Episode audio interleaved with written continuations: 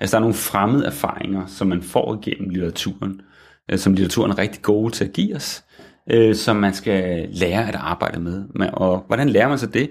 Det gør man blandt andet ved at få adgang til, til et, et mere fagspecialiseret sprog, begreber, altså for eksempel symbolisere, at noget symboliserer noget. Et velkendt begreb for dansk undervisning. Ikke? Øh, men, men netop pointen er her, at det er jo så vigtigt, at man møder det, og at man ikke bare, også i dansk undervisning, øh, sådan tage udgangspunkt i, i sådan en, en rent erfaringsbaseret eller oplevelsesbaseret tilgang til litteratur, hvor man alene er interesseret i at høre, hvad, hvad eleven så føler eller, eller mærker ved den her litteratur. Ikke? Det skal så at sige stiliseres, hvis vi skal bruge sådan et, et Bruner-begreb der. Ikke?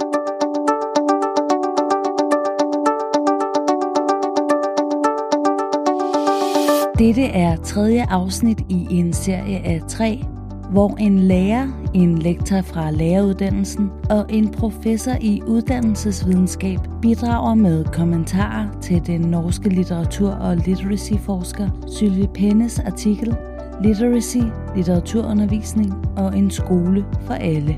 I dette afsnit møder du Nikolaj Frydensbjerg Elf, der er professor i uddannelsesvidenskab ved Institut for Kulturvidenskaber på Syddansk Universitet. Han blev Ph.D. i 2008 på en afhandling om semiosi og undervisning i H.C. Andersens eventyr. Han har siden deltaget i en lang række forskningsprojekter og er involveret i dansk delen af projektet KIDEM, kvalitet i dansk og matematik.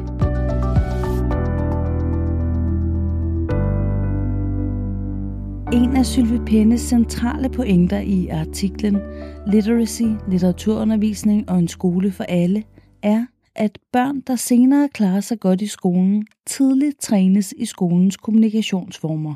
Fra toårsalderen socialiseres de ind i den såkaldte IRE-struktur, hvor den voksne stiller et spørgsmål til barnet, barnet svarer, og den voksne giver en tilbagemelding. Det kan for eksempel være i forbindelse med højtlæsning af bøger. I meget didaktisk litteratur er der kritik af brugen af denne struktur i skolen, men det gælder ikke hos Sylvie Pæne.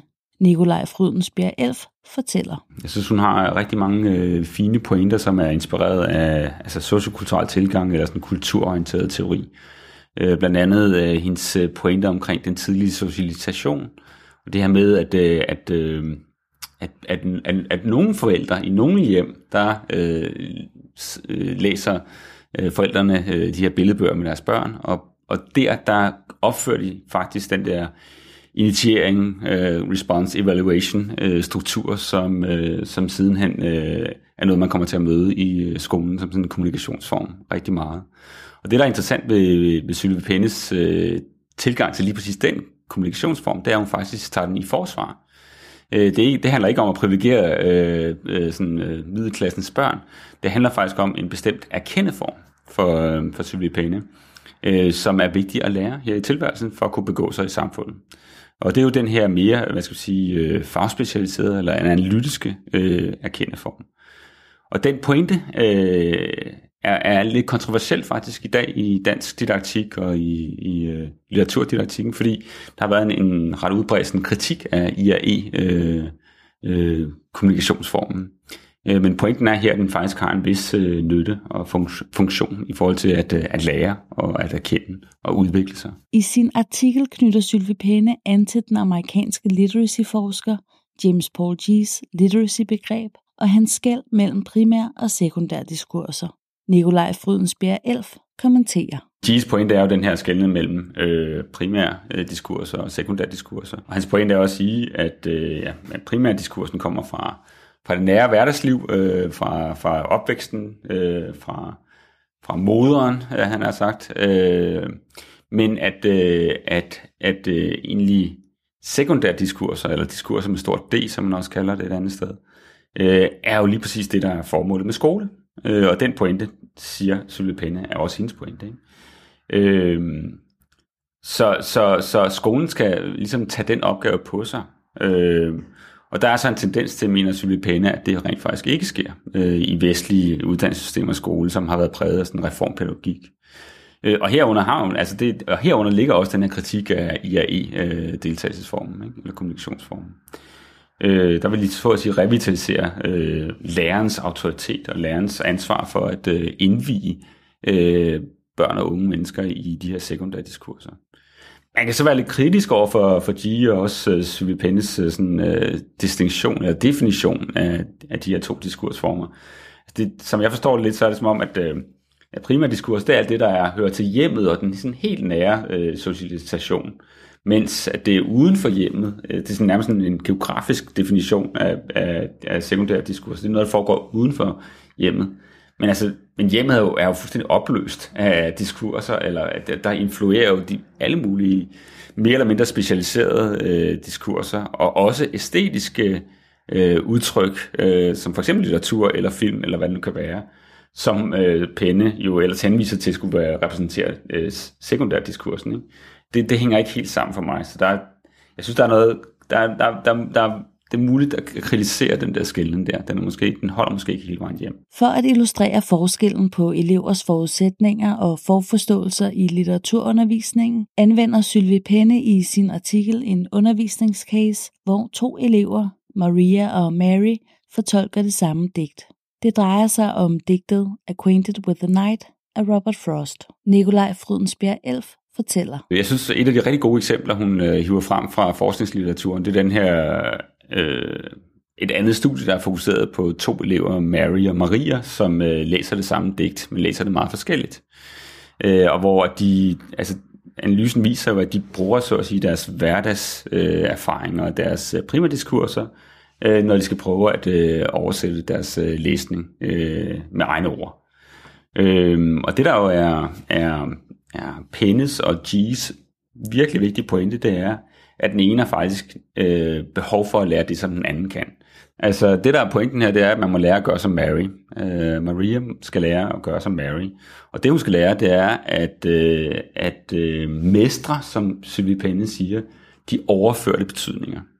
Øh, og hvorfor skal man lære det? Det er for at kunne begå sig, når man møder igen ukendte betydninger i nye kontekster. Så når man, når man læser litteratur, så træner man i virkeligheden den evne til at kunne øh, møde nogle betydningsmønstre, man sådan ikke rigtig ellers ville have mødt. Altså der er nogle fremmede erfaringer, som man får igennem litteraturen, øh, som litteraturen er rigtig gode til at give os, øh, som man skal lære at arbejde med. Og hvordan lærer man så det? Det gør man blandt andet ved at få adgang til, til et, et mere fagspecialiseret sprog, begreber, altså for eksempel symbolisere, at noget symboliserer noget. Velkendt begreb for dansk undervisning, ikke? Øh, men, men netop pointen er her, at det er jo så vigtigt, at man møder det, og at man ikke bare, også i dansk undervisning, øh, sådan tager udgangspunkt i, i sådan en, en rent erfaringsbaseret eller oplevelsesbaseret tilgang til litteratur, hvor man alene er interesseret i at høre, hvad, hvad eleven så føler eller, eller mærker ved den her litteratur. Ikke? Det skal så at sige stiliseres, hvis vi skal bruge sådan et, et Bruner-begreb der. Ikke? Så jeg synes, at der, der har øh, Sylvie Penne en, en rigtig god pointe, den der normative pointe, øh, og kritiske kommentarer til, til vestlige uddannelsessystem, inklusive øh, vores modersmålsfag. Ikke? James Paul G. sætter i sin forskning lighedstegn mellem literacy-kompetence og det at lære at beherske det, han kalder sekundærdiskurser. Denne begrebsbrug tilslutter Sylvie Penne sig i artiklen Literacy, litteraturundervisning og en skole for alle. For at konkretisere, hvordan tilegnelsen af en sådan literacy-kompetence kan se ud i en undervisning, henter hun inspiration hos den amerikanske litteraturteoretiker Robert Scholes. Han har udviklet begrebet textual power. Til det siger Nikolaj Frydensbjerg Elf. Altså, Robert Scholes har det her grundbegreb om textual power, som uh, Sylvie Penne er rigtig glad for. Og så udfolder hun så til sidst i teksten uh, de der seks principper, som det refererer til. Som jeg forstår det, så, så er det sådan seks kurser på universitetsniveau, som universitetsstuderende skal følge.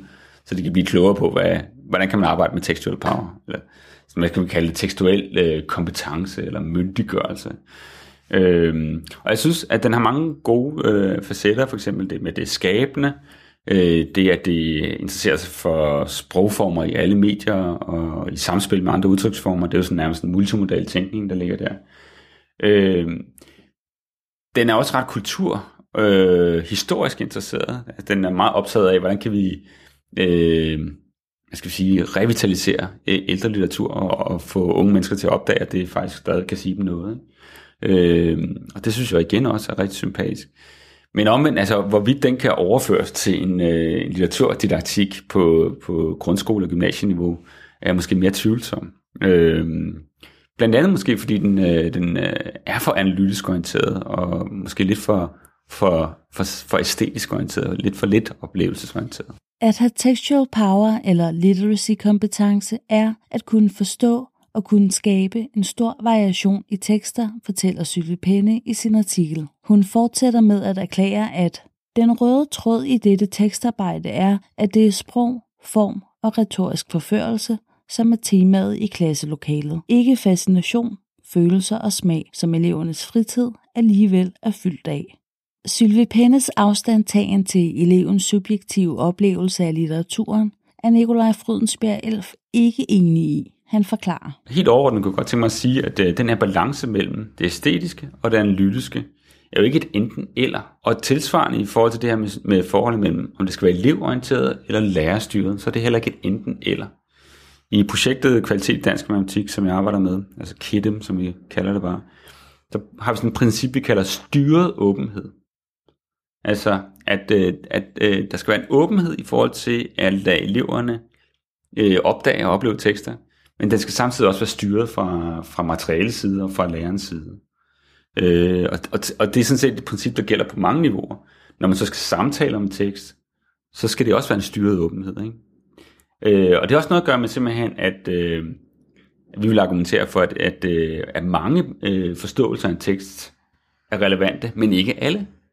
Så det er også noget med, at læreren har et ansvar i forhold til at styre, hvor tolkningen går hen i forhold til de mange spændende bud, som eleverne og læreren selv øh, kan komme med. Ikke? Øh, så man kan sige, grundlæggende i det her med at, at opdage og undersøge tekster, der tror jeg egentlig langt hen ad vejen, at øh, elever og lærere er ligestillede. Øh, i sådan oplevelsen af det, men i, i så at sige analytikken, i analysen af det, der har, der har læreren nok et, et fortrin, som, øh, som eleverne ikke har. Fordi vedkommende netop kan trække på begreber og viden og den slags der.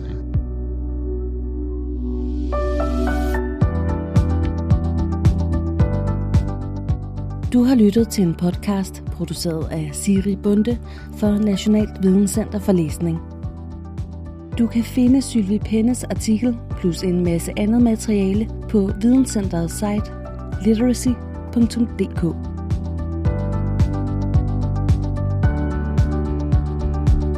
Du kan hente alle centrets podcasts på videnomlæsning.dk eller lytte til dem i din foretrukne podcast-app.